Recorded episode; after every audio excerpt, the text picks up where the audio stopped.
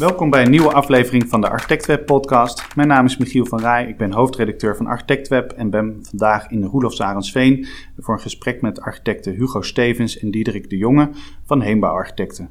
Met hen spreek ik over wat het betekent om als architect bij een bouwer in te zitten. Heembouw positioneert zich als een ontwerpende bouwer, dus als ontwerper en bouwer in één. En hoewel veel architecten dat misschien niet als muziek in de oren klinkt, zo dicht op de bouwer zitten, uh, zien Hugo en Diederik enorm veel voordelen en illustreren dat uh, vandaag aan de hand van enkele projecten waar ze momenteel aan werken: uh, woningbouw in hout en natuurinclusieve distributiecentra. Voordat we beginnen wil ik graag AGC bedanken voor het mede mogelijk maken van deze podcast. In de loop van deze aflevering spreek ik kort met Erwin Bruining van AGC over een project waar hij als adviseur bij betrokken is. Hugo en Diederik, ontzettend leuk om hier uh, te zijn. Volgens mij moeten we, voordat we het over heembouwarchitecten hebben, uh, kort stilstaan over ja, eigenlijk bij het traditionele proces waarmee architectuur gerealiseerd wordt.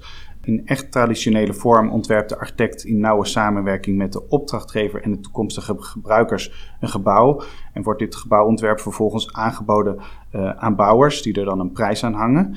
En in theorie zou die gekozen bouwer dan uiteindelijk dat gebouwontwerp letterlijk kunnen realiseren. Maar in de praktijk gebeurt dat natuurlijk bijna nooit. Ja, je moet een heel sweet spot in een crisismoment hebben, dan, dan kom je heel ver. Maar meestal uh, is dat toch een kwestie van eigenlijk een, een, start, een start van onderhandelingen over het ontwerp. Ja. Wat kan er eenvoudiger, wat kan er goedkoper, bezuinigingen dus. En voor veel architecten is dit toch een heel frustrerend deel van het proces. Dat je eigenlijk iets gecreëerd hebt wat dan eigenlijk weer uitgekleed of afgebroken wordt uh, voor een deel. En in het beste geval blijven die aanpassingen dan natuurlijk beperkt. in het slechtste geval, en dat hoor ik architecten ook wel eens vertellen, van ja, ben je eigenlijk het ontwerp weer helemaal opnieuw aan, aan, het opbouwen. Mm -hmm. wat, wat voor ervaringen hebben jullie zelf met, zeg maar, in die tijd voor heenbouw met dit soort processen? Hoe, hoe beleefde je dat zelf? Nou ja, eigenlijk uh, precies zo. Uh, inderdaad, ik heb uh, een, een, verleden in de reguliere architectenpraktijk bij verschillende bureaus. Nou, zoals je zegt, met alle goede bedoelingen en, en motivatie en intenties ben je met je opdrachtgever en medeadviseurs een prachtig plan aan het ontwikkelen waarvan je het geloof hebt dat dat ook dusdanig en binnen budget gerealiseerd kan worden. En dan helaas toch vaak de teleurstelling dat bij aanbesteding het anders uitpakt. Niet gezegd dat de aannemer daarin ongelijk heeft. Maar het is in ieder geval altijd laattijdig en dus ongevallig. Dus uh, op het verkeerde moment, uh, waardoor de implicatie daarvan vrij groot is. Jij zei Hugo dat eigenlijk van tevoren van er gaat eigenlijk heel veel kwaliteit, tijd en geld verloren, hè? eigenlijk ja. op, op, op dat moment van, ja. van, van aanbesteding. Ja. Nou ja, je zei in het beste geval wordt het gebouwd zoals het dan bedacht of getekend was. Ik, ik, ben wel geneigd te zeggen, in het beste geval werd het gebouw beter. Heb ik ook wel meegemaakt. En dat was misschien ook precies wel de prikkel dat ik dacht, ja, hoe intensiever je met een aannemer, of in ons geval een bouwer, kunt samenwerken, uh, dat zou kunnen betekenen dat het daarmee alleen maar beter wordt. Dus ja. uh, dat heb ik eigenlijk uh, vervolgens gezocht. bij Hemo Architecten gevonden dat je inderdaad vanaf dag één die integraliteit kunt opzoeken. En jij, Diederik?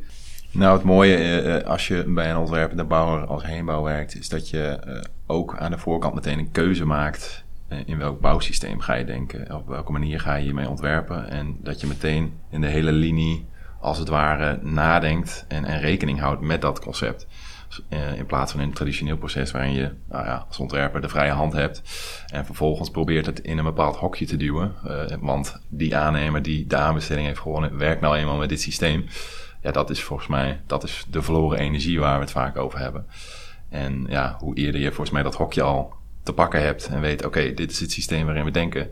Ja, hoe integraal het hele proces volgens mij uh, vormgegeven kan worden. En hoe, hoe beter je als ontwerper daar ook op kan sturen. Dus dat je niet inderdaad het ontwerp opnieuw maakt omdat je met een ander systeem werkt of een andere denkwijze. Maar dat je eigenlijk al ja, ook alles uit dat bouwsysteem kan halen. En daar ook ja, de lol en de creativiteit uh, in ja. stopt. Ja, dat, ja. Dat, dat is het grote, het grote voordeel om dat al in het hele verhaal mee te nemen. Ik kan me best wel wat scenario's voorstellen waar juist een traditioneel proces wel heel goed werkt, uh, omdat het toch, toch een, uh, voor architect en opdrachtgever een moment is om heel vrij te denken over, over de opgave en de invulling daarvan. Ik kan me voor, denk dan bijvoorbeeld aan publieke gebouwen.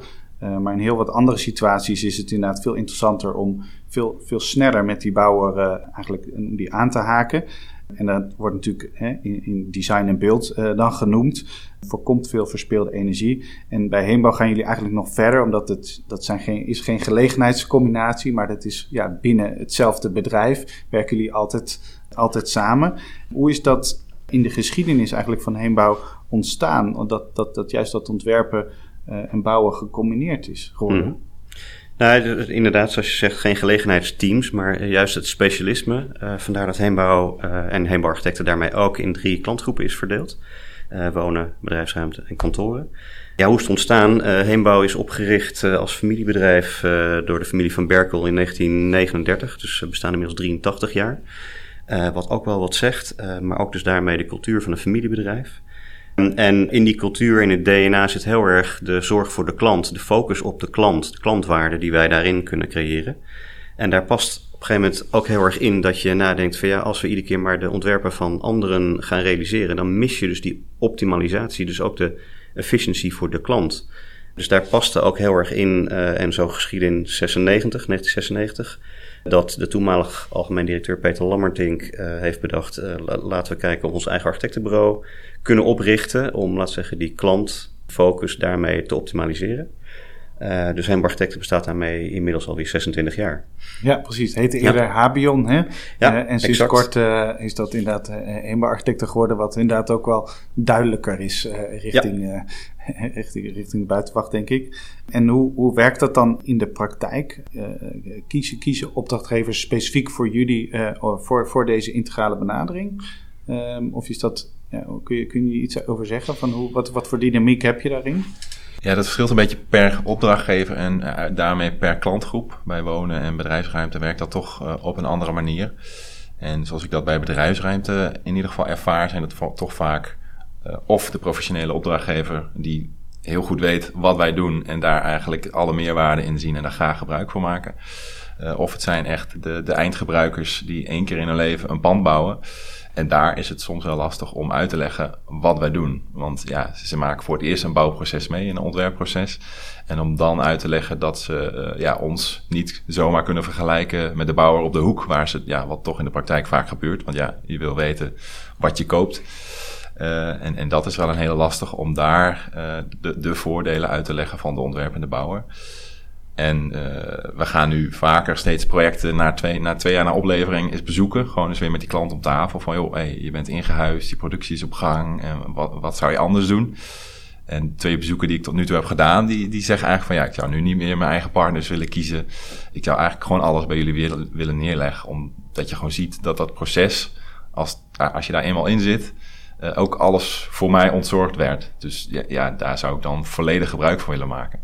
Dus dat is wel iets wat, wat klanten wel zien, maar dan wel na een, na een bouw- en ontwerpproces. Ja, precies. Nee, want ze zitten natuurlijk zeker aan, aan de voorkant, uh, uh, zitten ze natuurlijk ook heel erg op prijs te vergelijken. Uh, en niet, ja. ja. het proces moet nog plaatsvinden. Dus is natuurlijk ook en welk proces is dat? Ja, ja dat, dat, daar hebben ze geen idee van. Nee, dus, nee precies. Ja. En kun je iets zeggen over hoe heenbouw is opgebouwd? Um, hoe, hoe, groot is bijvoorbeeld de, de, de bouwtak ten opzichte van de ontwerptak? Ja, de, de, de bouwtak, of uh, laat zeggen de klantgroepen uh, Heenbouw, uh, indicatief 350 mensen. Hè, dus verdeeld over drie vestigingen. We zitten nu in Roelevarensveen. We hebben een vestiging in Berkel en Roderijs. Daar zit vooral kantoren. en in Breda hebben we ook nog een vestiging en daar zit bedrijfsruimte Zuid. En hier dus in Roelevarensveen bedrijfsruimte West en Wonen. Verdeeld dus nou ja, die drie klantgroepen vanuit de gedachte de, het specialisme. En uh, Hembo Architecten, uh, wat atypisch in die zin, wij zitten dus over die klantgroepen heen, uh, maar wel binnen een klantgroep met ook weer gespecialiseerde teams. en dit architectenbureau is eigenlijk een middelgroot architectenbureau, dus er zijn inmiddels 40 plus mensen. Ja. en allemaal binnen het specialisme. Ja, ja precies. En, en, en als je dan inzoomt op dat team van heenbouwarchitecten, is dat, zijn dat dan vooral architecten of zitten daar ook tekenaars bij? Nee, we hebben echt uh, de volle breedte. Dus uh, een, uh, we hebben ook, laten zeggen, een ideale indeling van een, van een team. We proberen het altijd klein en compact te houden. Hè, dus ook intensieve samenwerkingen, waardoor je elkaar goed begrijpt en weet te vinden. Maar we hebben de volle breedte uiteraard van, van senior architect en architecten modeleurs, maar ook ontwerpmanagers in allerlei gradaties omdat ook wij natuurlijk een, een, een, eigen proces kennen in verhouding tot de klantgroep. En dat alles samen maakt dat je ons team hebt, maar gezamenlijk met de klantgroep uiteindelijk het project doet. En dan zul je zien dat je altijd weer commercianten, planontwikkelaren, projectontwikkelaren, mensen uit de realisatie. Uh, dus uh, het, het, volle spectrum en afhankelijk van de, het project en de fase waarin het zich bevindt, stel je dat team samen. Ja, exact. Ja, want jullie hebben inderdaad uh, buiten, die, buiten jullie, jullie ontwerpteam zitten er dan allerlei andere disciplines. Hebben jullie ook hier in huis bij Heenbouw? Ja. Nou ja, en als we de disciplines niet in huis hebben, we hebben bijvoorbeeld ook interieurarchitecten uh, in ons uh, team. Uh, bij wonen zul je dat iets minder zien, maar ook eigenlijk wel steeds meer. Super interessant natuurlijk. En, en daar waar het spectrum niet binnenshuis is, hebben we altijd strategische partners, vaste samenwerkingspartners. Eigenlijk vanuit dezelfde gedachte, dus laat zeggen relaties op langere termijn. goede afspraken kunnen maken, maar ook heel goed begrijpen wat ieders behoefte is en hoe het proces loopt in, in jullie ideale proces, denk ik, uh, uh, werken jullie zeg maar helemaal vanaf initiatieffase tot, tot en met realisatie. En komen jullie dan, vind ik prachtig om te horen, dan uh, ook, ook weer terug, terug bij die klant. maar jullie werken ook wel veel samen met, met andere architectenbureaus, waarbij jullie dan de engineering doen. Ja, ik denk dat dat specifiek bij wonen meer voorkomt dan bij de andere zoals bedrijfsruimte of kantoren. Maar inderdaad, we hebben het straks denk ik nog over een project in Wormerveer. En zoals je dat denk ik ook gewoon in, in, in de reguliere architectenvak ziet, zodra een, een, woning, hè, een woningbouwplan groter wordt, wordt het ook om allerlei stedenbouwkundige redenen interessant om een samenwerking aan te gaan. Dus in Wormerveer doen we dat bijvoorbeeld met WRK-architecten. En ja, persoonlijk vind ik dat ontzettend leuk om te doen ook. Ja, ja nee, en, en inderdaad, zoals je zegt, vervolgens uiteindelijk uh, draait bij ons dan op de lange termijn wel om de realisatie. En daar staat ook het proces ten dienste van. Uh, dus dan doen wij veelal wel de engineering als heembarchitecten van het plan als geheel. Ja. Want uh, jij zegt dat eventjes zo, zo erbij, maar het betekent dat je het, het BIM-model in, een, in een traditioneel proces kun je ook nog wel hebben dat de bouwer dat hè, nog even opnieuw opbouwt. Letterlijk, ja. omdat het niet aan, aan, aan zijn standaarden voldoet. Maar bij jullie is dat natuurlijk niet in vragen, want dan uh, jullie on, on, ontwerpen het zo dat het team van de bouwers daarmee uh, mee verder kunnen. Hè? Nee, exact. En, en die BIM-modellen die bouwen wij ook vroegtijdig op. En dat hoeft niet belemmerend te zijn voor de architect, voor de helderheid. Maar we doen het wel specifiek, omdat je dan ook heel vroeg al tijdens een SO, een VO en een DO ook, ook gewoon goede calculaties kunt maken. Uh, allemaal gerelateerd aan hetzelfde BIM-model. Uh, dat ook een constructeur daar vrij snel mee in de weer kan. Hè, waar Diederik het net over had. Dat je ook je bouwsysteem uh, verhelderd hebt voordat je al te ver in het proces raakt en, en nou ja, terug moet komen op. Uh, dus dat BIM-model, dat, dat zie je wel, dat, dat gaat inderdaad in alle fases mee. En, en verandert dus ook nog heel veel aan het begin. Ja. Als je echt in die ontwerpfase zit, dan ja, dat betekent dat zo'n BIM-model inderdaad gewoon mee, mee beweegt en mee ontwikkelt uh, in zo'n ontwerptraject. In plaats van dat je zegt, nou, we hebben deze schets en we werken hem uit en, en dat is het. Nee, een, een modeleur is hier bijna ook uh, ontwerpen af en toe, omdat er ja, allerlei zaken bij elkaar komen die in een volgend concept weer opnieuw moeten worden uitgewerkt. Ja, ik kan me voorstellen. Ja. Als we dan hebben over hè, die, die integratie, wat, wat levert dat? Uh, ben ik toch benieuwd maar of, of jullie dat concreet kunnen maken van wat levert dat opdrachtgevers op? Is dat toch hè, ik, ik, kan me voorstellen een harmonischer uh, proces, maar wat, hoe kwantificeer je dat? Uh, is dat dan ook een, een korter, korter ontwerpproces of, een, of vertaalt die effectiviteit zich op een andere manier? Dat het leuker is of dat het dat, je, dat je hier niet in het weekend door hoeft te werken. Wat, hoe, kun je er iets over zeggen van wat levert die, die integrale benadering op? Ik denk dat je het beste eigenlijk kan vergelijken met een, met een prijsvraag waar je aan meedoet. En, en dat je dan in, in, als een soort pressure cooker een concept bedenkt en, en, en, een, en een goed verhaal uh, waarmee je naar de klant gaat en zegt, joh, dit is het beste idee. En wat wij dan doen is eigenlijk dat extra laagje eroverheen leggen van, joh, dit is het beste idee en technisch gaan we hem zo en zo maken. En, en dat, dat dan in een korte tijd, want uiteindelijk gaat het natuurlijk wel om tijd. En uh, doordat je zo snel al die verschillende lagen over elkaar heen kan leggen en daarin kan schakelen, ja, voor de klant is dat natuurlijk gewoon tijd. En, en tijd is natuurlijk het allerbelangrijkste, want hoe sneller je kan, uh, ja, hoe, hoe blijer de klant vaak. Ja, bij wonen is het proces, in, hè, wat we eerder zeiden, toch net even anders. En je merkt ook dat onze klanten zijn anders. Uh, overigens ook weer divers hoor, maar als ik het heb over, laat zeggen, een corporatie. Die vinden het proces bij ons natuurlijk best spannend. Want die, dat, dat is nou typisch een professionele opdrachtgever. dat is een vak. Uh, dus die is heel erg gewend geraakt aan nou ja, hoe zo'n proces insteekt, aanvankelijk met adviseurs, architect. En, en bij ons het gevoel dat er dan ook al direct een, een, een aannemer of een bouwer aan tafel zit. Maar het voordeel is dat je inderdaad de bouwsystematiek, de innovatie, maar ook dus de kosten en daarmee de kwaliteit heel vroeg kunt waarborgen en overeenkomen.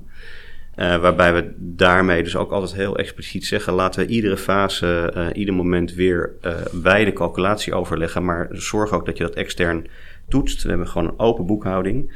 Ja. Om er maar voor te zorgen dat er geen, nou ja, dan toch een ander verhaal zou ontstaan. Want dat is juist niet waar het om draait. Maar je merkt wel dat een corporatie specifiek, ja, daar hebben we meer uit te leggen dan, dan, dan elders. En, en dat is begrijpelijk ook. En als we het dan over, over, over jullie hebben, hè, als, on, als ontwerpers jullie zullen niet, niet, zo snel zeggen dat het jullie creativiteit eh, beperkt. Eh, ik kan me ook wel voorstellen dat, dat het inderdaad heerlijk is dat je juist eh, aan het begin heel goed geïnformeerd eigenlijk je schetsen gaat maken en je, en je, en je modellen gaat uitwerken. Ja, nou ja, inderdaad. Ik, ik heb een achtergrond. Ik heb een tijd lang gewerkt bij CPZ. Ook een hele technische merites natuurlijk.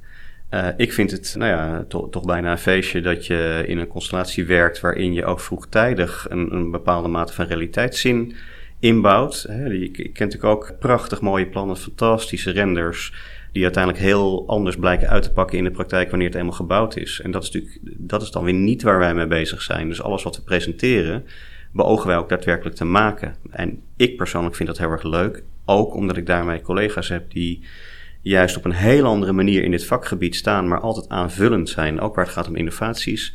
Een planontwikkelaar die kijkt daar toch met een andere blik naar die als architect wellicht toch een beetje onder de mat zou willen uh, schoffelen. Van dat negeer ik nog even, dat zien we wel weer.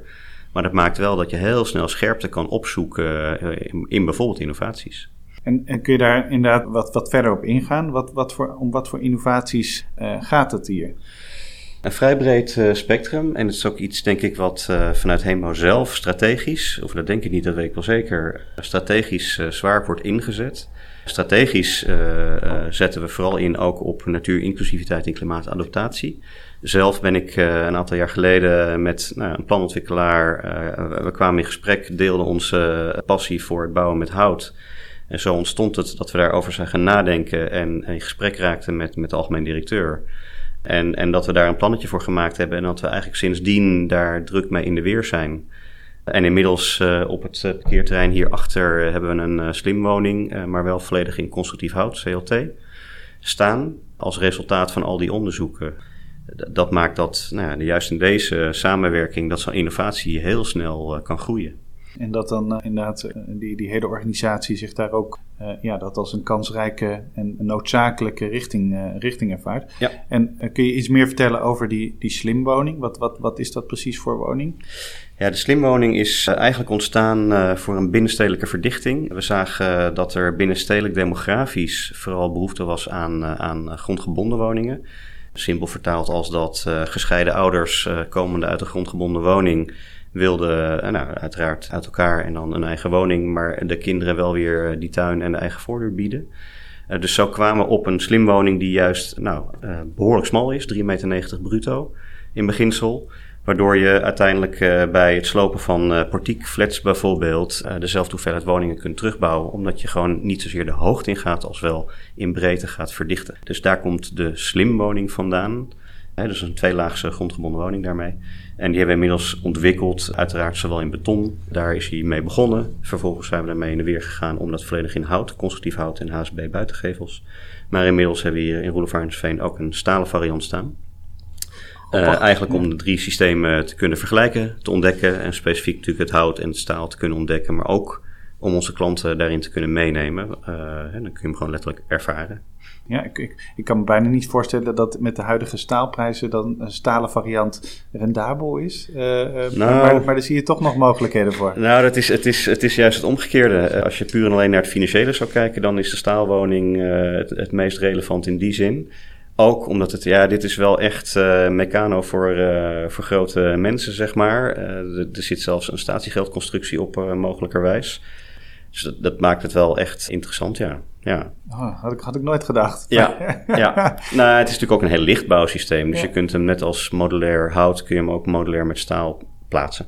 En uh, het grappige is eigenlijk, probeer me voor te stellen van hoe is dat dan om, om daar te wonen in, in 3,90 meter. Maar het betekent eigenlijk dat je in plaats van uh, zelf wonen kan in een tweebeukige uh, woning, smalle beuk, brede beuk. Je houdt eigenlijk de, de brede beuk hou je over en, en de smalle beuk die ja, die verweef je eigenlijk in de, in de, in de plattegrond. Hè? Exact, exact. En, voor de helft, het is een woonconcept, dus, uh, waar, het, en geen conceptwoning. Uh, waar het vooral om gaat is de, de, de, volledige engineering van de woning als zich, laat zeggen de, de plattegronden, de techniek. Um, en, maar zodra we deze woning ook maar op een locatie zouden ontwikkelen, dan wordt die uiteindelijk, uh, uiteindelijk gewoon ook de voor- en de achtergevels helemaal ontworpen. Het is gewoon en daarmee gewoon uiteindelijk weer een regulier architectenproduct. Alleen omdat de woning als zich volledig geëngineerd is, kunnen we hem ook heel snel schakelen. Uh, en kunnen ook heel snel zekerheid bieden. Uh, wat dat doet in techniek en kosten en kwaliteit dus. Exact, ja, ja. Dat, dat, dat, begrijp ik. Want je, zit, je bent, je bent verticaal geïntegreerd. In, in Wormerveer uh, zijn jullie nu bezig om dit in de, in de praktijk te brengen. Hoe, mm -hmm. hoe heb je die woningen daar ingepast? Kun je daar iets over zeggen van hoe dat er dan uitziet? Ja, het is een, een, uh, een plan uh, in uh, Wormerveer, de Bomenbuurt, eigendom van Partheon, de corporatie. Wij waren al eerder met hen in contact. Een aantal jaar geleden hadden we een evenement in Den Haag waar het ging inderdaad om de slimwoning. wij hadden daar aangekondigd deze ook in hout te kunnen gaan doen. dus zo kwamen we nu ook weer in contact, waarbij bleek dat WRK-architecten waar we het net over hadden, die waren al bezig op stedenbouwkundig niveau. Een, een deel van het stedenbekundig plan bevatte een aantal hele compacte woningen. Dus zo raakten wij in gesprek. De, woning is uh, eh, 3,90 meter bruto breed. En inderdaad dus eigenlijk de, de, de, de brede beuk van een reguliere grondgebonden woning met het gangetje ernaast. Als je het gangetje even uh, uh, opzij zet, zeg maar, dus hem anders indeelt, dan hou je effectief niet zo'n andere woning over qua ruimtebeleving. Maar in Wormerveer bleek ook nog dat de kavel eigenlijk, die uiteindelijk heeft gewoon een stedenbekundige setting en een kavelbreedte. En door de woning nog iets verder te tweaken, lees nog smaller te maken, kon er, kon er een woning extra. Dus het, het waren er aanvankelijk zeven, het zijn er inmiddels acht. En dat is dan, laat zeggen, de technische achtergrond. En vervolgens uh, niet anders dan anders, uh, ook met WRK, stedenbouwkundig en beeldkwaliteit uh, ontwikkeld. En daarbinnen dit plan ontworpen. Dus de buitengevel die is volslagen voor deze locatie bedacht. Uh, en, en achter de voordeur is het een, uh, nou ja, een, een slimwoning, in die zin herkenbaar. Ja, moeten we even aan wennen in Nederland, denk ik. Smal wonen, hè? Een soort, uh, ja. Ik kan me ook nog wel voorstellen dat dit, dit is dan twee lagen hoog. Mm -hmm. Dat je dat ook nog wel in drie lagen zou kunnen doen, hè? of niet? Ja, we hebben inmiddels meerdere varianten. Voor mij zit de krachten wel in beginsel in deze. maar er zijn allerlei aanleidingen dat we elders een plan te ontwikkelen zijn waar die inderdaad drie lagen kent. Uh, maar zelfs tot en met een, eh, een botenhuisconstructie aan toe, waar die eigenlijk op een verkapt uh, botenhuis staat. Er zijn natuurlijk velelei uh, varianten te bedenken, logischerwijs. Dat is bijna Lego in die zin. En in Wormerveer, wat, wat, wat voor gevel komt er uiteindelijk dan omheen? Ja, qua duurzaamheidsambities, uh, want Partion doet mee aan het circulair initiatief, circulair aanbesteden. En dat maakt dat ze dus met hout, dus we hebben ook de convenanten voor het bouwen met hout ondertekend. En daaruit uh, ontstaat ja, een soort van tweeledig. De achterzijde is volledig in hout. Echt uh, super mooi vormgegeven. Uh, en WRK doet idem dito, maar net even anders, waardoor het wel een, een plan als geheel blijft. maar ieder zijn eigen signatuur toch laat zien. Dus de achterkant van hout om die duurzaamheid expressief naar voren te brengen. En de voorzijde, puur omdat het stedenbouwkundig voor deze plek gewoon gewenst is, ook vanuit supervisie, is het metselwerk. Dat kan. Dus de, de, ja, de voorgevel die is helemaal ingebed in de locatie waar die staat. Maar dan zeg ik altijd van, ja, grachtenpanden zijn ook van hout gemaakt, maar hebben ook een stenen gevel. Hè? Dus, ja. uh, dus, ja. dus dat, uh, dat is natuurlijk echt wat, wat, een, wat een plek uh, vraagt. Ja.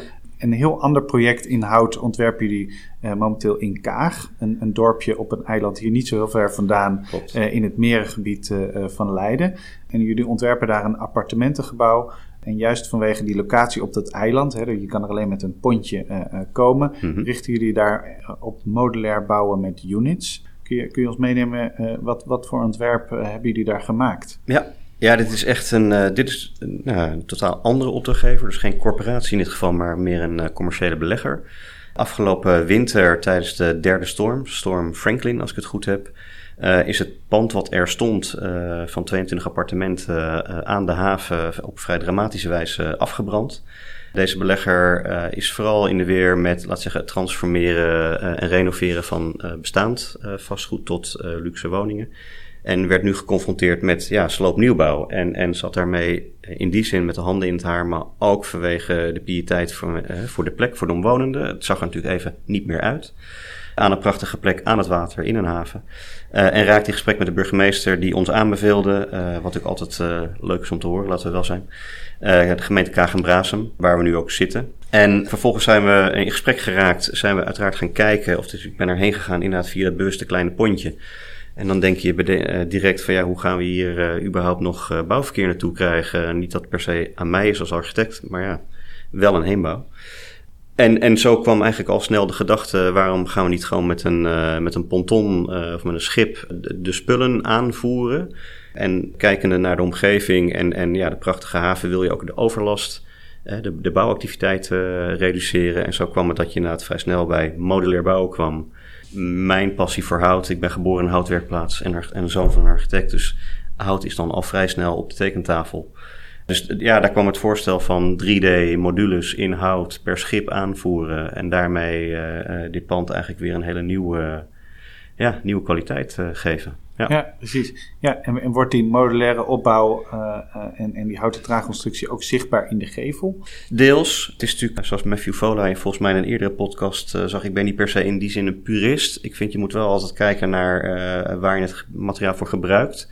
Veel houten woningen die wij doen, doen we de dragende wanden in CLT. Uh, eigenlijk de vervanging van het beton bijvoorbeeld. En de buitengevels die je nu juist wil isoleren, thermisch bijvoorbeeld. Dat doen we veel met HSB. Uh, dus daar kijken we echt wel naar. Zet het materiaal in daar waar het goed in is. en, en reduceer überhaupt zoveel mogelijk. Maar toch heb je altijd toch de verleiding, zeker op deze plek aan het water, om wel een aantal houtaccenten te laten zien. En zo ook, maar dat moet nog even blijken, in welke mate heb je de behoefte om in de woning ook wel een paar wanden echt wel nou ja, CLT in het zicht te houden. Ik denk in dit geval specifiek de woningscheidende wanden. Het is natuurlijk een appartementengebouw met woningscheidende wanden en vloeren. Dus daar heb je al vrij snel toch buigslappe voorzetwanden. Daar zal het wellicht niet lukken. Maar niet woningscheidende wanden weer wel. Ja. Uh, en daar zoek je een mooie balans in ja, die recht doet aan, aan de plek. Zodat het inderdaad toch ook ergens nog beleefbaar is hè, voor die bewoners. Ja. En ik, ik, ik, ik, zag bij dit plan dat jullie naast daglicht via de gevels ook daglicht via het dak in willen brengen. Ja. Ja, het zijn op zich uh, relatief uh, kleine appartementen, maar nou ja, wat ik al zei, op een wonderschone plek tussen een binnenhaven en een buitenhaven. Veel van deze bewoners zullen het huren, het zij als tweede woning of als hoofdwoning, maar in ieder geval met een bootje voor de deur. dus er mag ook echt wel kwaliteit in. En de eerste verdieping is bijvoorbeeld ontsloten door middel van een corridor. Uh, ja, dus uh, ja, hoe meer daglicht, uh, hoe beter. al is dat, staat dat wel redelijk onder spanning inmiddels natuurlijk met Bang. Ja. Hè, de Nederlandse regelgeving. Maar we gaan hier ook koelen, dus je kan je iets meer veroorloven wat dat betreft.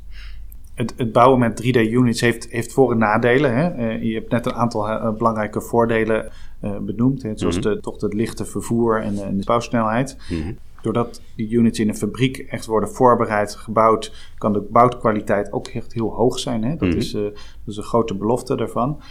Het, het, bouwen gaat zelf gaat natuurlijk ontzettend snel, lichte kraan nodig. Het is een kwestie van opstapelen en leidingen koppelen, in ieder geval in, in, in, in theorie. Hout kun je zichtbaar maken, wat een plezierige atmosfeer geeft. Maar het nadeel kan wel zijn, hè, je, je, het, het, zit dan op, op een vrachtwagen, uh, zit je gelimiteerd of, of, of de breedte van, van, van de schip. en dat zie je hier ook, de, de, de, de beukmaat is dan uh, 3,75 uh, meen ik. En dan zie je wel dat inderdaad bij brede woonkamers er dan kolommetjes of, of, of eigenlijk onderbrekingen inkomen. Hoe, hoe kijk je daar zelf tegenaan? Ja, ik denk dat in die zin uh, een, een, bepaalde mate van misvatting is, je kan best breed transporteren. Laat zeggen 3,90 meter, zoals de reguliere slimwoning is. Die kun je gewoon regulier op transport zetten met een paar restricties. Uh, we hebben hem hier dus neergezet en de vrachtwagen moest voor 6 uur s ochtends van de snelweg af zijn. Voor de rest waren er eindige, weinig beperkende maatregelen, dus dat is allemaal niet zo'n probleem en dat kan echt nog wel breder. Je moet altijd kijken naar, naar de woning, de kwaliteit en, en het bouwsysteem in die zin. Maar uh, specifiek voor de Kaag uh, is het zo dat we, we willen uh, natuurlijk iets heel moois bouwen, maar we willen ook binnen de, de hele bestemmingsplancontouren blijven. Om die snelheid erin te houden, zodat deze plek, ja, het is nu natuurlijk een beetje een, een braakliggend, treurig terrein in die zin, dat daar gewoon weer snel die kwaliteit terugkomt. Dus we blijven ook binnen die contour. En dat heeft gemaakt dat deze woningen nog steeds compact zijn. En dus dit, dit, ja, deze beukmaten die, die passen daar volledig bij. Uh, dus een woonkamer en een slaapkamer naast elkaar en dan kom je tot deze beuken. Maar je, nou, je moet daar wel scherp in blijven. En, en als een 3D-module knellend wordt ten aanzien van de kwaliteit die je beoogt, dan moet je naar 2D-modules. En uh, dat kan ook. Ja, exact. Ja, en in zekere zin is het natuurlijk ook een, een uitdaging. En ik kan me voorstellen dat je dan ook bijvoorbeeld VR inzet om juist zo'n interieur te kijken van ja, hoe kunnen we dat toch net, uh, een, een, prettige beleving uh, geven. Of juist zo'n onderbreking inzetten om ja, verschillende zones te maken. Hè. Dat is een beetje, maar dit is, ik, ik, vraag ook specifiek naar, omdat we, hè, we staan aan de vooravond van eigenlijk een hele grote golf van, van, van waar, waarin we eigenlijk op deze manier gaan bouwen. Mm-hmm. en, en dan vind ik het wel ja, uh, zoeken van ja, inderdaad, hoe, waar houden we die kwaliteit, houden we die scherp? Kijk, nu bouwen we heel vaak op de maat van een parkeergarage. Hè? Dat is ook, ook enorm beperkend. Precies, en dit, is, dit, dit zijn dan andere maten, maar het is inderdaad wel, ja. wel scherp van, is inderdaad uiteindelijk dat 3D, uh, gaat dat, ja, levert dat genoeg op? Of moeten we dan uiteindelijk toch weer naar 2D uh, flatpack architectuur? Dat is uiteindelijk een van de vragen die ik er zelf, uh, ja. zelf bij heb. Maar in deze, ja, in, de, in deze locatie lijkt me dat 3D ja. heel slim. Uh, nou ja, juist. precies. En, en zoals ik eerder zei, wij, wij bouwen geen conceptwoningen, maar woonconcepten. Uh, en waarbij de Kaag het overigens niet per se een woonconcept is. Maar de vormgeving is altijd locatiegebonden. En in die zin doen wij het niet anders. Maar ik ben het met je eens. Het gevaar bestaat dat we heel erg in modules gaan denken. En dat dat dan het heilige doel is. dat is niet specifiek wat ik nastreef. Maar op het moment dat je het in een module kunt bouwen omdat het past voor de, voor de wens van de klant, voor de locatie, nou noem het. Ja, dan is het tegelijkertijd ongelooflijk efficiënt. Kun je nou hele hoge kwaliteit maken in een fabriek. Gewoon de afwerkingskwaliteit. Uh, en bovendien heel snel. Gewoon ook de overlast voor de omgeving. Uh, zeker als het binnenstedelijk zou zijn. Ja, dat is natuurlijk geweldig. Uh, je zet een elektrische kraan neer en, en de uitvoerder heeft geen bouwketen meer, maar gewoon een camper. En die is daar maar een paar weken en dan is het ook weer klaar. Ja. dat, dat is ook weer wat waard. Ja, maar precies. het moet niet ten koste gaan van de woonkwaliteit. Laat nee. het helder zijn. Nee. nee. exact. Nee, en uiteindelijk zal de toekomst ook, denk ik, heeft, heeft meerdere antwoorden. Hè? Uh, dus, dus zul je ook zien dat je met zo'n slimwoning is er juist ook waarschijnlijk die module weer heel, heel efficiënt. Uh, en in sommige andere opgaves zul je inderdaad meer uh, naar 2D willen denken. Ja. En als we een klein beetje uitzoomen, hè, we, we, staan natuurlijk voor die, voor die beweging en heenbouw ook. En hoe, hoe zie je eigenlijk dat, dat opschalen van het bouwen in hout voor je. Hoe, hoe, hoe, gaan we daar handen en voeten aan geven? Hoe gaan, ja. hoe, welke stappen gaan jullie daar zelf uh, ja. in nemen? Nou ja, het is, kijk, we, we hebben zelf intern het geloof dat dit echt een hele mooie kans biedt. Ik denk ook dat overigens dat het een hele mooie periode is als architect. Uh, met alle duurzaamheidsambities die er inmiddels breed gedragen uh, worden. Dus we, we, kunnen er gewoon met volle legitimatie heerlijk mee in de weer.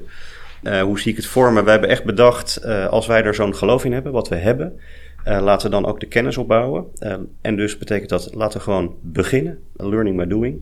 En om, laten we zeggen, in die zin voorbereid te zijn. Je ziet wel dat inmiddels doe nou, best wel wat woningbouwplannen waar een deel van de woningen of geheel in hout worden ontwikkeld. Dus we doen onze kennis op en zoeken ook steeds meer dus de, de juiste strategische samenwerkingspartners daarin. Zodat je nou, ook daar dus uh, nou, strategisch mee vooruit kunt kijken. A, om laat zeggen, het proces om elkaar te kunnen aansluiten, maar ook om er zeker van te zijn dat dat we zeggen ook kunnen waarmaken. Uh, en dat gaat dus ook over het uh, leveringsgaranties, over, nou ja, noem het. Dus dat je op termijn daar waar de vraag steeds groter wordt, daar ook in kunt acteren.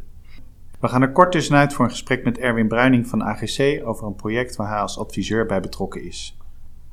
Erwin, als adviseur ben je betrokken bij de realisatie van Bink City in Den Haag. Uh, dit hybride stadsblok is ontworpen door VMX Architects, OZ en Braaksma en Roos en bestaat eigenlijk uit een gesloten bouwblok met een stenige afwerking met daarop een aantal schijfvormige woontorens in een lichtere kleur uh, of met een lichtere gevelconstructie.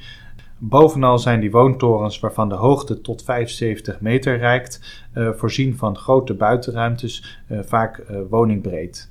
Wat, wat voor glas hebben jullie toegepast in, uh, in dit uh, forse project?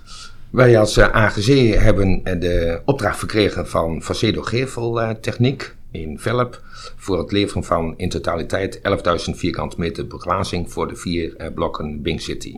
We gaan hier verschillende typen beglazingen leveren, zowel dubbelglas, trippelglas, brandwerende beglazing en Artlight Digital geprinte beglazing. In de Binkhorst heeft dit project aan iedere zijde te maken met heel andere condities. He, uh, aan de westzijde ligt het aan die drukke Binkhorstlaan, precies op de plek waar de Rotterdamse baan, die tunnel, uh, omhoog komt. Uh, aan de zuidzijde is het juist veel rustiger aan een park rond het kasteel de Binkhorst. En aan de andere zijde komt, ja, moeten nog nieuwe woongebouwen verschijnen. Uh, ik kan me voorstellen dat de geluidsbelasting van die Binkhorstlaan uh, wel uh, invloed heeft gehad. Ja, klopt. Op, op alle torens zitten verschillende soorten beglazing in, afhankelijk van de geluidsbelasting op de gevel. En inderdaad, de Binkhorstlaanzijde, die is het zwaarst geluidbelast. Daar passen we dan ook de zwaarste eh, beglazing toe van een 662 Stratofoon. Met een spouw natuurlijk ertussen met een 882 Stratofoon eh, binnenruit. En die geeft een geluidreductie van 48 dB aan. Ja. Eh, daarnaast zijn er ook minder zwaar belaste gevels waar een redelijk standaard eh, isolerende beglazing wordt toegepast. Nou begreep ik van jou dat, we, dat er in dit project ook veel shadowbox beglazing is toegepast. Wat is dat precies? De binnenruit bestaat uit een 6 mm kolbelruit die eh, men eh, kan bestellen in verschillende rolkleuren. Dit is een eh, die ingebakken wordt in de toplaag van de beglazing, waardoor de ruiten in totaliteit eh, kleurvast blijven gedurende jaren. En we hebben natuurlijk zeker in het verleden gezien dat veel andere beplatingen toegepast werden als boswering die na enkele jaren al verkleuren. Daar heb je met de shadowbox beglazing geen problemen mee. En architecten passen deze shadowbox uh, natuurlijk graag toe uh, bij borstweringen, maar ook denk ik op, het, op, op, op plekken waar ze eigenlijk het beglaasde over een verdiepingsvloer heen willen trekken. Eigenlijk om die verdiepingsvloer uh, aan het gezicht uh, te onttrekken of, of subtiel zichtbaar te maken. Hè? Ja, dat klopt. En het is net waar men uh, voor kiest natuurlijk om een uniform gevelbeeld te verkrijgen. Dan worden inderdaad het doorzicht en de shadowbox beglazing op elkaar afgestemd om een uniform kleurgeheel te krijgen. Daarnaast kan de architect ook kiezen om juist de boswering een contrasterende kleur uit te voeren om duidelijke lijnen in het pand te verkrijgen. Ja, dat kan natuurlijk ook. Ja. En ik kan me inderdaad wel voorstellen dat het ook in de, uh, bij de bouw soms handig is dat dat inderdaad eenzelfde element is, wat dan gewoon wat groter is en dan snel geplaatst kan worden. Hè? In ja, zeker in de uh, tijd van nu, waar er steeds meer met de HSB-elementbouw uh, gewerkt wordt, is het voordeel dat in de fabriek zowel in de kozijn het doorzichtglas gemonteerd kan worden, als de shadowbox, boswering en het totale element richting bouwplaats kan vertrekken. Ja, um, bij dit project komt nu eerst de betonnen ruwbouw omhoog en in dat bouwproces worden de aluminiumkozijnen en het glas uh, uh, al op de verdiepingen uh, geplaatst. Um, waarom is dat precies? Ja, in dit eh, project hebben we een lang proces op voorhand gehad om te kijken om eh, zo'n kort mogelijke bouwtijd en montagetijd voor de glas- en eh, elementgevels te verkrijgen. waardoor we in een vroeg stadium met Facedo om tafel zijn gaan zitten om de beglazing en de kozijnen in houten kratten aan te leveren in de tijd van de ruwbouw. Dat wil zeggen, als er een verdiepingvloer gestort wordt, dat ook uh, alle producten al op deze verdieping uh, neergezet worden. En vervolgens gaat men de volgende uh, verdiepingvloer storten. Ja, ja, en dan ben ik nog steeds benieuwd, welke voordelen biedt dit dan? Dan kan men stijgloos bouwen op dit project. En worden de elementen na de hand gemonteerd. Door middel van een glasrobot worden de ruiten door het kozijn heen gestoken en vervolgens teruggereden en gemonteerd. Ik vind dat een fascinerend beeld. Een, een gebouw wat gebouwd wordt zonder stijgers, maar waar een glasrobot eigenlijk dat glas er doorheen steekt, het monteert. Uh, fantastisch dat dit, dat dit eigenlijk al kan. Uh, dankjewel Erwin. Wil je ook glas van AGC in jullie bestek opnemen? Kijk dan vooral ook eens naar de bestekservice van AGC. Deze is te vinden op agcnederland.nl slash bestekken. We zijn weer terug bij ons gesprek met Hugo Stevens en Diederik de Jonge van Heembouwarchitecten. Het een paar keer te sprake gekomen al. Bij Heenbouw werken jullie voor drie klantgroepen, zoals jullie dat noemen. Uh, wonen, kantoren, bedrijfsgebouwen. En Hugo, jij richt je op het wonen, hebben we het net over gehad. En Diederik, jij richt je dan op uh, bedrijfsgebouwen. En daar wil ik dan nu met jou nader op inzoomen. Want daar zitten jullie een aantal radicale stappen. En dat is, vind ik heel uh, leuk dat dat ook heel zichtbaar wordt straks in die, in, in die panden. Als het gaat om natuurinclusief bouwen. Afgelopen jaren ja, zijn er ontzettend veel nieuwe distributiecentra, die, eh, DC's, bijgebouwd in Nederland. En overigens niet alleen hier, maar dat speelt over de, over de hele wereld. Want we, ja, we willen steeds meer thuis en op kantoor uh, bezorgd krijgen, steeds sneller ook. Maar ja, al die dozen in het landschap zijn, het gaat natuurlijk ook heel snel. zijn natuurlijk ook een doorn in het oog, ook mij. En ja, dat, dat is natuurlijk het pijnlijke. Ja, we gebruiken het ook toch, toch, toch in de meeste gevallen veel. Uh, en moeten constateren dat de wereld nu helemaal verandert en dat, dat we hierin mee moeten. Maar ik denk wel dat we, ja, natuurlijk, ook in, natuurlijk ook in het publieke debat, we moeten heel kritisch zijn van waar bouwen we en hoe doen we dat dan?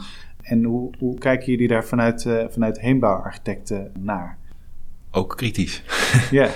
nee, ik, uh, wat dat betreft vind ik het als, als architect van dergelijke panden juist heel interessant dat zo'n verdozingsdiscussie op gang komt.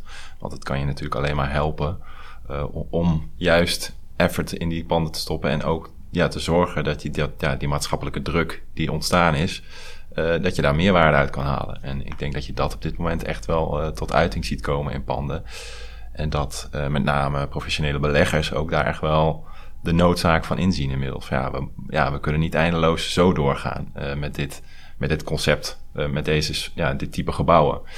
En ik denk dat het type gebouw aan zich nog in de kinderschoenen staat. Kijk, we, we bouwen al lange hallen, maar dergelijke grote distributiehallen die nu in het landschap ontstaan. Het, het, zijn eigenlijk ja, meer stedenbouwkundige landschappelijke objecten dan, dan een gebouw ja, ik denk dat we daar echt nog heel veel ontwikkelingen gaan zien de komende jaren om uh, ja, ja, te onderzoeken eigenlijk hoe we dat soort panden nou dan, ja, hoe moeten we daarmee omgaan als architect, maar ook als stedenbouwkundige en wat vinden we als maatschappij dan acceptabel uh, ja. om dergelijke gebouwen neer te zetten. Want ja, zoals je zegt, ja, uiteindelijk de, de winkelstraten lopen langzaam leeg en ja, het gevolg is dat we steeds meer van dergelijke gebouwen gaan zien. Uh, ja, we zijn er zelf bij. Uh, ja, des te groter de uitdaging om daar uh, mee aan de slag te gaan. Nee, het is eigenlijk in die zin een relatief jonge opgave die zich aan het, aan het ontluiken is. En, ja. En dan is uh, ja, dat eigenlijk ook een fascinerende opgave om inderdaad... Het, wordt, het, wordt, het, het zijn natuurlijk een, bijna landschappelijke... Hè, je, we zullen het zo meteen inzoomen op bijvoorbeeld een gebouw waar eigenlijk een soort van vier, vier gebruikers gecombineerd in, in, in één groot gebouw. Nou, ik heb ze ook wel eens gezien dat ze tot twaalf, dus eigenlijk twaalf, twaalf distributiecentra eigenlijk aan elkaar komen. Dat, dat, dat, dat is zo groot, zo groot wordt het. Nou, dat is, uh, dat is bijna een soort stadsdeel wat je dan uh, in één keer uh, exact, ja. uitlegt. en dat, dat, dat vraagt veel, veel, veel ontwerpkracht eigenlijk om dat op een goede manier plek te geven. Uiteindelijk zie je dezelfde de, de ontwikkeling als bij datacenters volgens mij. Ja, ze worden steeds groter en er wordt steeds meer geclusterd. Ja, ik denk dat het niet heel lang meer duurt voordat we centra gaan zien waar ze gewoon gestapeld zijn. Dus ja. ja. er zijn al enkele voorbeelden. Ja, die kant gaan we op. En hoe meer je gaat clusteren, hoe meer voorzieningen erbij komen. Ja, het zal mij niks verbazen. Je ziet voorbeelden al in Parijs waar het gewoon gecombineerd wordt uh, met woningbouw, kantoren. Dat je, ja, je maakt het onderdeel van het landschap in plaats van dat je het ja, los in zo'n weiland neergooit. Ja, dat, dat, dat kan eigenlijk niet meer. Nee, nee en al uh, op een versnipperde manier uh, ontwikkeld. En dan wil ik eventjes, dat is, dat is, wil ik even zelf een statement maken van ik vind wel dat al die distributiecentra moeten gewoon vol liggen met PV-cellen. Uh, en dat gedoe, dat, dat het dan af en toe, zie ik nog steeds plannen waar dat dan een, een, soort van een beetje of in een lage dichtheid of alleen aan de rand. Ik, dat, wil ik even zelf een statement over maken, uh, want ik maak me er wel toch wel kwaad over. Van, uh, we hebben die transitie, je hebt, maakt zoveel dak, kom op, leg dat dan gewoon vol, met, vol met zonnepanelen. En wat mij betreft komt er gewoon een wet die dat verplicht. Wat mij betreft ook. Ja. Of tenminste, laten we, laten we in ieder geval verplichten dat het gebouw voorbereid is ja. op ja. groendaken en zonnepanelen. Ik, ik, wil hem nog wel ietsje hoger leggen. Ja. ja, laten we dat gewoon met z'n allen vaststellen. Dat als we dat, dat soort gebouwen gaan maken, dat we in ieder geval zorgen dat dat kan. Kijk, dat, dat ze er niet meteen op liggen vanwege de huidige problemen met een energienetwerk, uh, waardoor het niet altijd 1, 2, 3 kan. Maar prima, laten we dat gebouw in ieder geval voorbereiden op. Ja, ja, ja en vind ik een mooie toevoeging. Inderdaad, eigenlijk moet dat natuurlijk ook een, een, een groen dak. En misschien moet dat inderdaad wel licht zijn. Maar een groen dak kan ook nog wel uh, juist helpen voor de, voor de koeling van zo'n dak, waardoor het eigenlijk weer allemaal uh, soort efficiënter, uh, efficiënter werkt.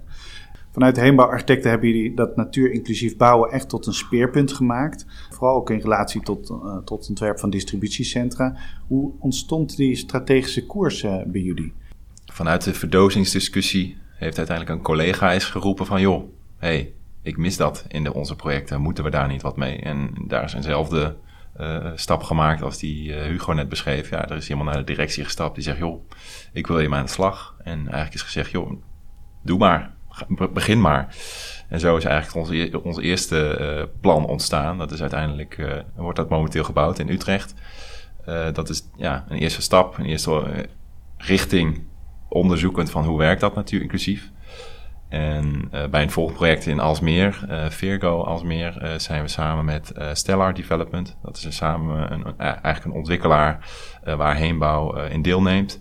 waardoor je eigenlijk ook dus zelf meer aan het stuur zit.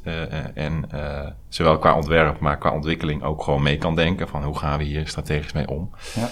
En je ziet dat we daar weer de volgende stap hebben kunnen maken. Van ja, oké, okay, we weten nu hoe we kunnen werken met groen, of tenminste, we hebben een ervaring. Uh, hoe kunnen we dat nou integreren in een gebouw? Hoe gaan we om met nestkasten? Hoe zorgen we dat dat niet een, ja, een, een sluitstukje wordt uh, om een Brian puntje mee te scoren? Maar hoe, ja, hoe ontwikkelt een gebouw als je daarmee begint? Wat is er nodig? En, en dat is wel heel interessant om te zien dat je daar zoveel ervaring weer mee opdoet, dat je nu weer ja, zo'n zo'n ontwerpopgave weer anders zou aanvliegen.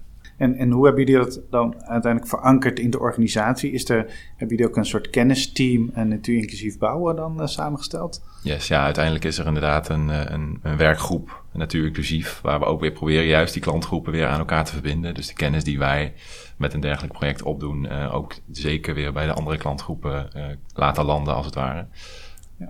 Ja, precies. Ja, want het is ook, ook in de woonomgeving speelt dit natuurlijk en bij, bij kantoren. Maar juist bij distributiecentra is wel, vind ik fascinerend dat door die maat van de gebouwen kun je, is, is de impact die je eh, met een, een enkel project kan doen, is natuurlijk gigantisch.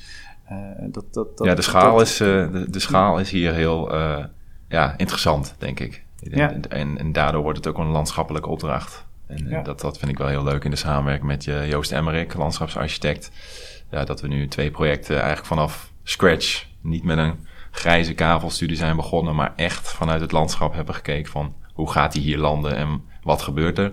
Volgens mij eh, brengt dat zoveel meerwaarde in dergelijke projecten.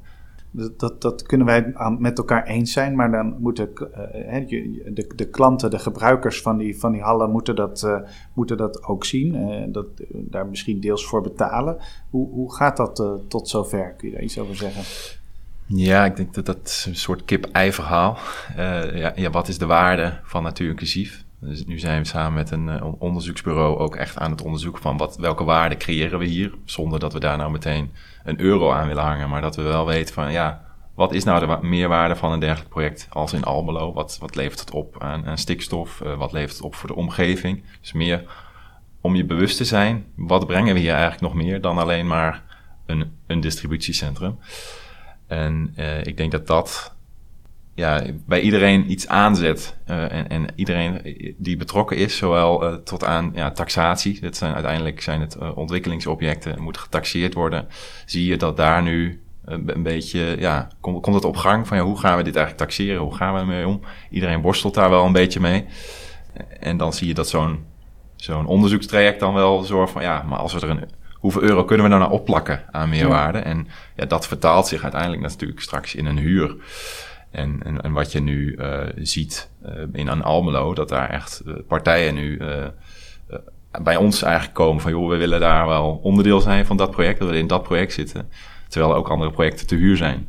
Ja. Maar dat men, ja, bedrijven gaan zich echt identificeren met zo'n plan en met de waarde van natuur. En die willen daar onderdeel van zijn. En ik denk dat dat, ja, dat is een soort vliegwiel om dit soort projecten natuurlijk vaker te gaan doen. Uh, als, als markt dat gaan waarderen. Ja, exact. Want uiteindelijk zat inderdaad van tevoren misschien niet eens zo uh, bedenken. Maar als, als de optie er is, dan kun je bijna niet voorstellen dat je er niet voor kiest. Hè? En dan is het zie je natuurlijk ook steeds meer bewustzijn, juist bij, die, bij deze bedrijven. die, die zullen dat ook uiteindelijk in de missie, in missie opnemen om op, op een betere manier voor, voor onze aarde te gaan zorgen in, de, in hun activiteit. En dan ontkom je er eigenlijk niet meer aan. En dan voelt het bijna een soort van vies om dan uh, dat niet uh, hè, om op die asfaltvlakte uh, bij een grijze doos te gaan parkeren. dat, dat wil je dan uiteindelijk, denk ik. Het, het, is in die zin een beetje onontkoombaar. Hè? Maar het is wel, je moet wel, die eerste golven moeten wel komen. Hè? Ja. ja, en ik zie dit wel als eerste golf. En ik hoop en ik denk eigenlijk dat dit wel een eerste beweging is, zoals je die met een BREEAM-certificaat de afgelopen tien jaar ook hebt zien ontstaan ja, er zijn weinig beleggers meer die panden kopen die geen BREEAM-certificering hebben. Nou, laten we hopen dat uh, over een jaar of tien er eigenlijk geen beleggers meer zijn die zeggen: joh, ik uh, wil nog een uh, kale grijze doos, om het maar even plat te zeggen. Het moet, ja. het moet natuur inclusief. Ja, ja precies. er zijn dan twee projecten, je, u benoemde het al, die, die die benadering heel goed illustreren.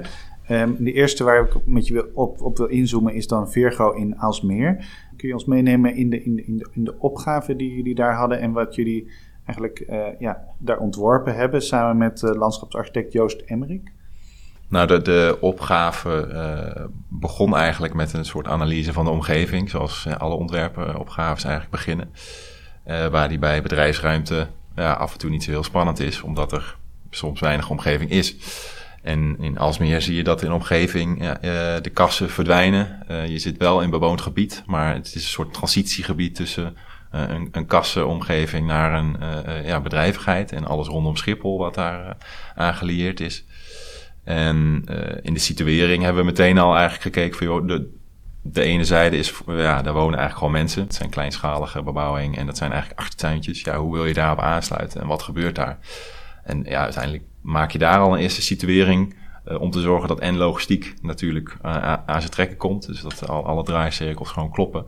Maar dat ook die omgeving daar uh, een goede plek in vindt. En wat ik daar heel interessant vond, is dat je met een landschapsontwerper die kijkt heel anders naar zo'n opgave. Als architect zit je snel in gebouwstructuren te denken. Terwijl een, een landschapsarchitect veel meer in ja, landschappelijke elementen. Weet je, een, een, heg is voor hem ook een structuur ja. die iets kan doen. Dat hoeft niet per se een gevel te zijn. En ik denk dat ja, dat biedt bij dit soort trajecten al zoveel meerwaarde dat je gewoon op een andere manier naar zo'n opgave kan kijken. En uh, vooral het, het, het, de stap die we daar gemaakt hebben in het, het aanjagen van biodiversiteit, uh, samen met een ecoloog gewoon in kaart brengen. Wat is hier nou de, de waarde van de ecologie en wat kunnen wij hier doen? Ja, dat heeft bij mij wel een beetje de, de ogen geopend. Dat als zo'n ecoloog je vertelt van ja, het is nu een weiland. Maar dat is eigenlijk nul uh, ecologie of nul biodiversiteit. Dus elk vogelhuisje die je gaat ophangen, is al een plus. Ja. Nou ja, dan, ja, dat had ik zelf eigenlijk niet eens door aan het begin van zo'n trek. Dat je denkt, oh ja, is het dan zo makkelijk om, uh, om echt gewoon meer te doen? Ja, tegelijkertijd denk ik wel dat je uh, moet aansluiten op het, op het groen wat je dan ergens nog kan vinden. Zeker, hè? zeker. Uh, en, de, en, de, dieren die daar dan uh, toch te vinden zijn, daar zou je op moeten aantakken. Hè? Ja. Het is zeker niet de bedoeling dat je ergens palmbomen gaat neerzetten. Dat, nee. dat, dat, dat, nee. dat, voegt totaal niks toe. En, en, dat is ook iets wat we de afgelopen jaren gewoon geleerd hebben. Ja, echt denken vanuit die inheemse uh, beplanting, de uh, inheemse flora en fauna. Hoe sluit ik aan op die omgeving en hoe kan ik dat nou ja, maximaliseren? dat, dat is een hele mooie opgave om aan te werken dagelijks. Ja, ja. En jullie hebben dan uh, aan, de, aan de kant van die kleinschalige bebouwing, hebben jullie, dat noemen jullie een soort kleine boomgaard ontworpen.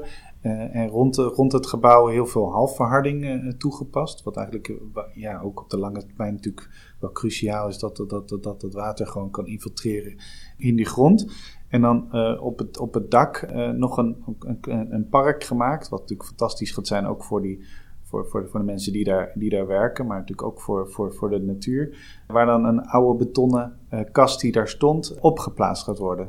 Klopt. Ja, nou ja, het concept uh, van Joost uh, ja, ging eigenlijk ook uit van de omgeving. Dus je zit in een soort semi-industriële omgeving waar een kassenstructuur heeft gestaan. Dus het is een en uiteindelijk daarvoor waren het boomgaarden. En boomgaarden zijn eigenlijk ook gewoon ja, industrieel opgezet op een stramien waar op de fruitbomen staan ja, dat is natuurlijk ja, dezelfde, de, dezelfde onderlegger als die bij een distributiecentrum uh, van toepassing is. Dat is ook gewoon een heel helder stramien, wat uiteindelijk voortkomt uit de maat van een pallet.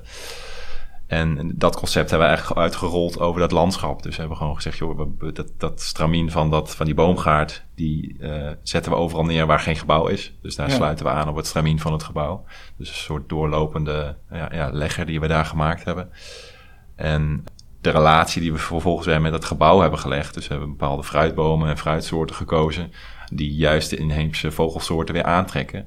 Ja, daar horen dan weer bepaalde nestkasten bij. Die op een bepaalde hoogte in de gevel horen te zitten. Ja, dat was eigenlijk mij, voor mij weer input om zo'n gevel te gaan ontwerpen. Ja, hoe neem je dat mee in de geleding van zo'n gevel? En op welke hoogte moet die dan zitten? Ja, dat je daar aan de voorkant van een ontwerp al rekening mee kan houden. Dat is natuurlijk fantastisch. En dan gaat, gaat die duurzaamheid gaat ook nog wel verder, want jullie hebben daar ook een houten draagconstructie uh, toegepast hè, in, deze, in, dit, in dit gebouw. Klopt, ja. ja. Dit is een van de, de eerste centra die wij hebben gemaakt met een uh, houten draagconstructie. Ja, en dat blijkt achteraf ook niet zo ingewikkeld te zijn. Dat, ja, dat hebben we aan de voorkant van het traject heb ik gezegd, joh, we willen meer uh, biobased materialen gebruiken. Volgens mij zijn dit de, de, makkelijkste stappen die we daar kunnen zetten. En uiteindelijk hebben we gezegd, ja, dat gaan we doen. En, en dat is dan weer het mooie van een ontwerpende bouwer. Dat eigenlijk degene die het gaat maken ook gewoon er volledig achter gaat staan. Waardoor het ook geen, geen issue meer is uh, in een traject van planontwikkeling naar uitvoering. Dat iemand zegt, joh, ik, ik vind hier nog uh, een optimalisatie, laten we teruggaan naar staal. Nee, dat, dat is gewoon geen issue meer. We, we hebben gewoon besloten dat we dat gaan doen. Ja. En dan gaat het gebeuren. En, en ja, dat is natuurlijk fantastisch. Dat je daar niet, daar niet als architect nog energie in hoeft te steken om dat te verdedigen. Maar dat eigenlijk het hele team gewoon erachter gaat staan. Wat, voor wensen eh, heb je nog over na, na, na dit project in, in Alsmeer? Wat zou je, denk je van, eh, dit project is nu, is nu bijna af. Wat denk je van, nou, dat de volgende keer wil ik toch uh, dit en dit uh, nog, nog scherper? Is dat dan nog meer biobased of nog, nog circulairder? Um, laten we gaan voor volledig hout.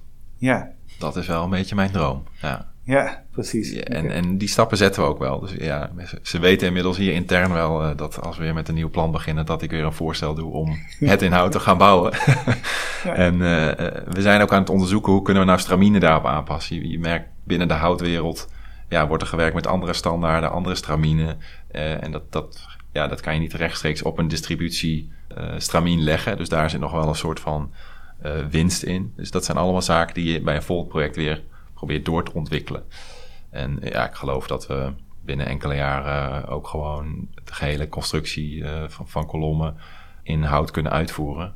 En dan is de volgende stap om een, een variant te vinden op het uh, OZO efficiënte sandwich materiaal wat we overal toepassen. Ja, de sandwichgevel, dat is, ja. dat is een soort van efficiëntie waar eigenlijk niks tegen op kan. Nee. Ja, en, en dat is wel de volgende stap voor mij om daar een biobased variant voor te vinden precies. Iets, iets met inderdaad een, een, een biobased isolatiemateriaal en een biobased uh, vliesje wat er dan omheen zit. Hè? Een soort uh, bio Ja, en ook al zitten tussen die twee stalen schilletjes, als, die, ja. als we die, die, die, die basis uh, op basis van schimmels of denk in houtvezel. Uh, ja. ja. er zijn allerlei initiatieven om dat wel uh, op te starten.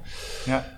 Maar die lopen nu nog tegenaan. Ja, we hebben nog niet de productiefaciliteit om meteen 10.000 meter te gaan leveren. Dus dat, ja, dat gaat ook de komende jaren zich ontwikkelen. Die vraag moet je nu, nu neerleggen, zodat het over een paar jaar. Uh, ja, heel interessant. Ja. ja. Ja, want uiteindelijk is. Wat ik, wat ik toch ook knap vind, is uh, in dit project. Hè, dan heb je die, die, die enorme uh, houten balken. Die, daar, die zijn, begreep ik, anderhalve meter hoog. Dus het moet, moet fantastisch zijn om dat te zien.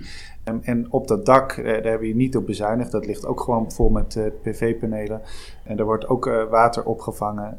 dus dit is gewoon echt, wat dat betreft, ja, een hele hoge ambitie Echt, eh, echt heel goed. Wat betreft natuurinclusief bouwen gaan jullie bij uh, het distributiecentrum ARA in Almelo uh, denk ik ook nog wel een, een stapje verder dan, uh, dan in Alsmeer. Het lastige aan een podcast is dat we geen beeld ervan kunnen laten zien. We moeten het een beetje omschrijven. En dat is een enorm distributiecentrum hè, waar, waar, waar, vier hallen gecombineerd worden. 40.000 vierkante meter groot. En rond dat gebouw hebben jullie een enorm scherm ontworpen met diagonale roeden. Uh, die overgroeid worden door uh, allerlei uh, verschillende planten en ook afgestemd op de, op de oriëntatie. Ik zat ook te denken van ja, wat voor woord geven we aan, aan zo'n zeg maar scherm wat dan, ik zat eerst groen scherm, jullie zelf... Hebben wij ook mee geworsteld. Ja, na natuurscherm noemen jullie het dan? We zijn uiteindelijk bij natuurscherm uitgekomen, omdat ja, een groen scherm maakt het misschien, ja, dat, dat dekt niet de lading, Nee. laat ik het zo zeggen. Eh, omdat we daar, gewoon- ja, we willen daar eigenlijk natuur maken. Eh, de- Exact, de, inzet ja. is biodiversiteit, dus ja. En Nee. uiteindelijk is het een scherm. Dus dit was voor ons eh, de term die het beste de lading dekt, als het ware. Ja, natuurscherm. En ik, ga daarop in omdat we ja, hopelijk eh, dit, dit op meer plekken kunnen doen. En juist natuur geeft ook aan wat, de, wat, wat het doel is ervan. Het is, niet, het is niet alleen maar mooi groen. Het is, gaat om betekenisvol eh, eh, beplanting toevoegen daar. Hè? En jullie zelf noemen dat het misschien wel het, het grootste natuurscherm van Europa is. Nou ja, dat is, dat is natuurlijk aardig om te weten. Maar we gaan natuurlijk voor de volgende grotere. Ook hier hebben jullie samengewerkt met eh, eh, Joost Emmerink. En, ehm, en ja, die heeft allerlei planten ja, geselecteerd. Kun je daar iets, iets over zeggen van hoe jullie hieraan ontworpen hebben?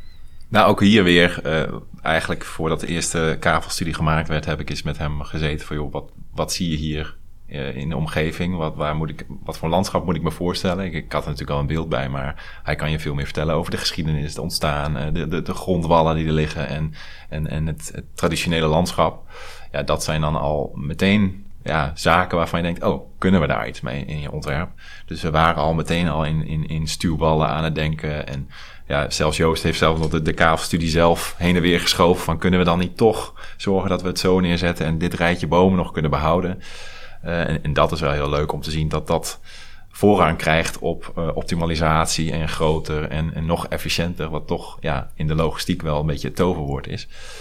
En eh, door dat als een soort startpunt te nemen, krijgt het ook meteen waarde, omdat het je, je concept gaat dragen. En, en dat vind ik wel mooi om te zien, dat nou, zo'n scherm, dat is ook ontstaan van, ja, we zaten met stedenbouwkundige zaak, randvoorwaarden waar we moesten voldoen.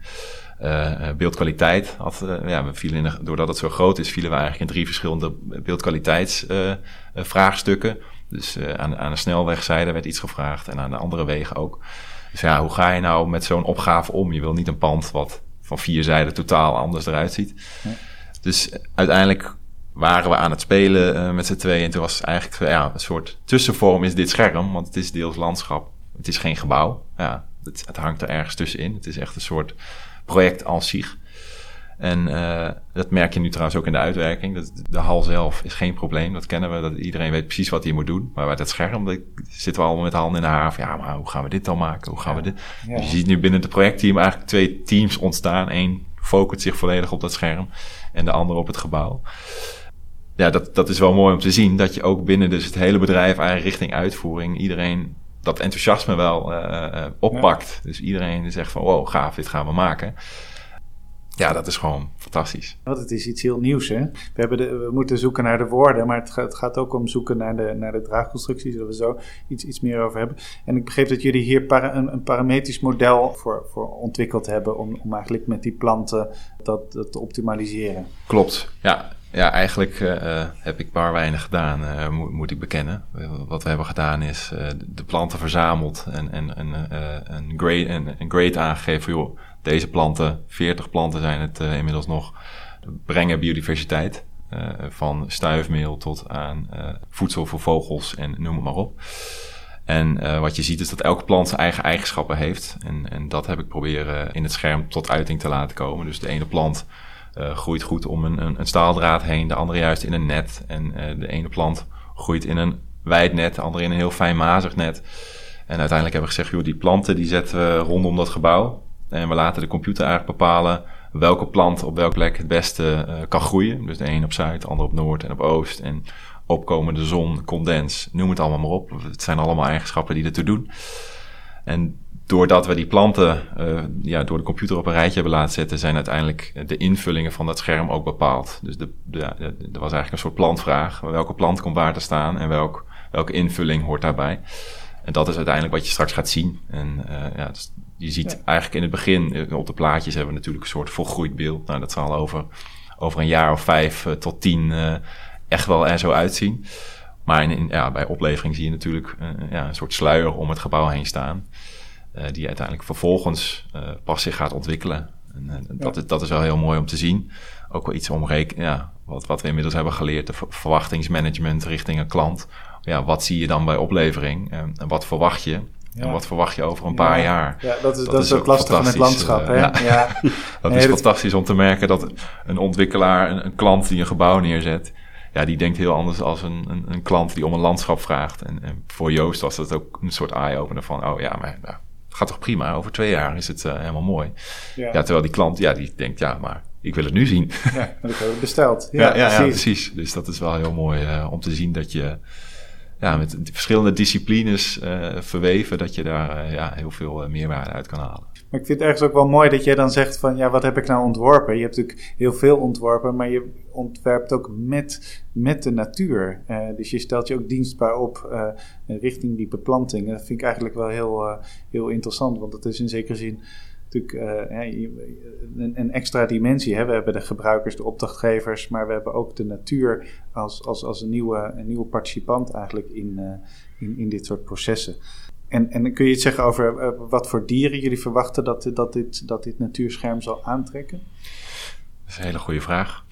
Ik vroeg aan de ecoloog, uh, goh, en, en nest, nestvoorzieningen en vleermuizen, waar moeten we rekening mee houden? Dat zei ja, ja, vind ik lastig. Ze zegt, ja, je gaat hier een kilometer van zo'n scherm neerzetten. Ja, dat, het kan zomaar zijn dat het eigenlijk nieuwe soorten aantrekt in zo'n omgeving. wat, wat, eigenlijk nu nog helemaal niet zo groot is. Ja. ja. Door, de, door de schaal krijg je eigenlijk een soort ecosysteempje binnen het systeem. Dus, dus zij zei ook van ja, ik zou wel willen experimenteren met verschillende soorten nestkasten om überhaupt te kijken of die daar ook op, op, op afkomen. En hetzelfde eigenlijk met de groeieigenschappen van die planten. Dat zij, ze zei ook, of ja, ik heb eigenlijk in het oosten is het dan weer anders dan in het westen. Zij heeft veel in het westen gebouwd. In het oosten waren de planten dan weer anders. Die groeien daar weer anders. Dat ze eigenlijk ook zei van ja, je zou eigenlijk willen monitoren welke plant eigenlijk nou heel goed op welke zijde groeit. Dus die, die test, uh, testjes zitten dan ook in het plan nu. Dat ze eigenlijk zeggen, ja, ik zou deze eigenlijk wel...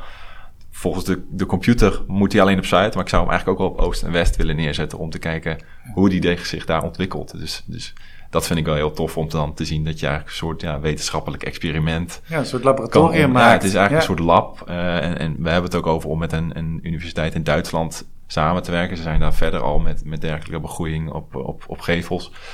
Om gewoon te zeggen, joh, hier heb je een kilometer scherm. Uh, op vier verschillende oriëntaties met veertig verschillende planten. Ja, wij zijn erg benieuwd naar wat jullie daarvan vinden. En, ja. Nee, precies. Nee, want dit moet gemonitord worden. Hè? Je moet eigenlijk elke maand met een soort uh, Google-auditje rondrijden om het eventjes soort te fotograferen. Van hoe, hoe gaat dit nou uh, plaatsvinden? Ik hoop dat er over tien jaar heel veel data uit is gekomen die we weer kunnen gebruiken in nieuwe projecten. Ja, de do's en don'ts rondom dergelijke gevels. Dit scherm loopt dan op de meeste plekken voor de gevel van het distributiecentrum langs. Uh, dus ook over de loading docks. En aan de zijkanten zou ik willen zeggen, loopt het ook wat ruimer uh, rond het gebouw, zeg maar rond de parkeerplaatsen uh, van het personeel. Dus je het omsluit zeg maar een, een, ruimte en je hebt eigenlijk een soort subtiel, een soort binnen-buiten situatie krijg je. Klopt, ja. We hebben deels aan één zijde ook de, de hele logistieke zone, dus de docks en de laadkel en dergelijke. Daar, daar staat het scherm eigenlijk omheen. Dat, ja, dat had eigenlijk meerdere redenen. Om, ook omdat vanaf de snelweg eigenlijk geen zicht mocht zijn op die docks. Dus dat was ook een hele lastig in de, in de kavelstudie van hoe maak je nou een pand wat daar voldoet. Dat kon eigenlijk niet. En, en dit scherm was daar een antwoord op. En hetzelfde gebeurt eigenlijk bij de parkeren van de medewerkers inderdaad. En, en, wat we hebben gedaan is een soort binnen- en buitenwereld proberen te creëren. Dus we hebben echt die, dat scherm als een soort lijn neergezet. En alles wat binnen dat scherm gebeurt, is, is die efficiënte logistieke wereld. Dat, dat mag, ja, weet je, daar mogen de pallets staan en dan mag je de, uh, ja, de zaken zien die op een bedrijventerrein nou eenmaal aanwezig zijn. En buiten dat scherm volledig ingezet op die halfverharding, op andere materiaalgebruik. Uh, zelfs voor het vrachtverkeer ook gewoon uh, halfverharding ingezet. Nou, dat, dat werd hier ook eerst gezegd. Ja, dat kan niet. Niet de juiste verkeersklasse. En oh ja. nou, noem alle bezwaren maar op. Ja, uiteindelijk hebben we het uitgezocht. Kan het gewoon. En dan is iedereen enthousiast. En pakken we het nu bij andere projecten ook aan. Omdat daar ook de vraag wordt gesteld. Wat doen we aan adaptief? Ja, ja. hop, we gaan meteen verder. Eh, ja. Dat, ja, wederom zo'n zo'n voorbeeld. Wat je bij, zo'n, uh, ja, bij de ontwerpende bouwer dan echt heel snel opgepakt ziet worden. En dan en de materialisatie van het, van het scherm. Oorspronkelijk was dat, was dat grotendeels in, in hout bedacht. Maar ja, dat, zoals dat gaat, uh, ontwikkelt zich dat. Mm -hmm. um, hoe, hoe wordt dat nu uiteindelijk? Staal. Ja. Ja, dus er zat niks anders op. Uh, nee, we, we, zijn begonnen inderdaad met een houten concept. We zijn bij diverse partijen en houthandelaren langs gegaan van joh, hoe kunnen we dit maken in hout? En uh, langzamerhand kwamen we bij een, een houtsoort Clusiana, wordt veel gebruikt in de weg- en waterbouw en, strandpaviljoens en dergelijke. Nou, daar kunnen, we, daar kunnen we aan de slag. Er zit ook een, een duurzaamheid van 30 tot 35 en langer op. Maar uiteindelijk was toch de bottleneck van ja, een losstaande constructie daarvan maken, waar uiteindelijk ja, helemaal begroeid gaat worden. Dus je moet hem berekenen als een dichte gevel, zo gaat de constructeur ermee om. Ja, en uiteindelijk moet dat, iemand moet daar ook wel een garantie op geven dat het over 30 jaar ook blijft staan en niet uh, bij een storm omwaait. En dat blijkt met houten boomstammen toch wel iets, uh, iets complexer te zijn. Dus toen is uiteindelijk toch de keuze gemaakt van ja, we gaan dan op efficiëntie inzetten. Een stalen efficiënte constructie. Uh, en, en in het kader van duurzaamheid kan je je afvragen, ja, wat zou de beste keuze zijn geweest? Een Clusiana, dat komt uit Zuid-Afrika en van een plantage, wordt allemaal natuurlijk keurig, keurig uh, volgens de regels uh, geproduceerd. Maar hoe duurzaam is het dat om ja. hierheen te halen? Of kijk je nou eens naar de duurzaamheid in de tijd en ga je voor een efficiënte staalconstructie die 50 jaar staat? Ja, ja en weer omgesmolten kan worden. Hè? Exact. Um, ja, ik, ik, snap, ik snap die zoektocht dus, inderdaad. Ja, dat is echt een zoektocht. Hoe ga je nou met, met dat soort dingen om? En uiteindelijk zou het natuurlijk ja, gaaf zijn als je gewoon over 50 jaar die constructie daar hebt staan en dat het pand eigenlijk uh, verdwenen is. Omdat we iets, an, iets anders gaan bouwen, maar dat we ja, dat scherm gewoon kunnen behouden. Uh, als, je, als je dan hoort dat klimplanten uh, makkelijk 100 jaar kunnen worden, sommige soorten, ja. Het zou fantastisch zijn als zoiets over 100 jaar als een soort oerwoud begroeid zou zijn. Ja. ja, ja, heel mooi.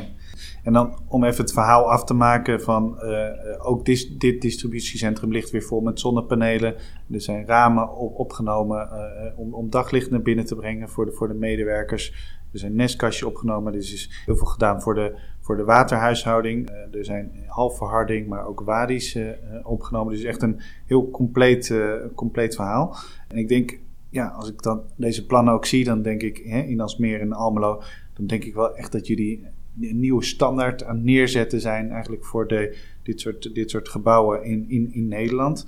En wat, wat zou je nog willen zeggen tegen opdrachtgevers die hierover twijfelen? Die, die denken van ja, dat onderhoud van het groen, uh, uh, dat, dat is toch niet mijn core business. Wat, wat, wat, zou, wat kun je zeggen om ze te motiveren? Ja, kijk niet alleen naar je core business, maar zie, ja, zie vooral de kansen en de waarden die je nog meer toevoegt in, in, de, in, de, in het hele genre gebouw. Uh, je hebt invloed op het landschap, uh, op onze omgeving.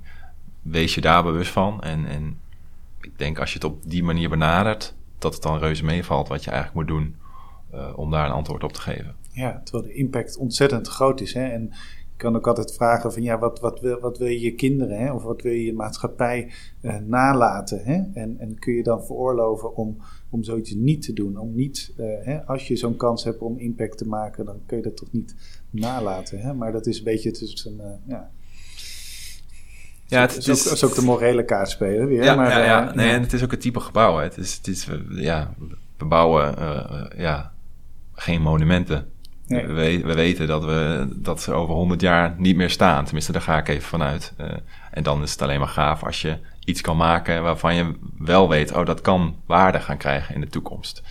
En, en ja, als je op nou, als je op die manier naar zo'n project kijkt, dan, dan is er ineens veel meer mogelijk. Ja, maar 50 jaar aan natuurontwikkeling op zo'n plek, dat is toch heel wat waard. Hè? Dat is uiteindelijk heel veel waard. Ja. We, we, weten nu nog niet hoeveel, nee. maar het zal waarde hebben. Ja, ja mooi. Mooi om te horen. Um, dank Hugo en Diederik uh, voor dit gesprek. Um, dank aan AGC voor het mede mogelijk maken van deze podcast. Dank aan jullie voor het luisteren. Tot de volgende keer. Dankjewel. Dankjewel.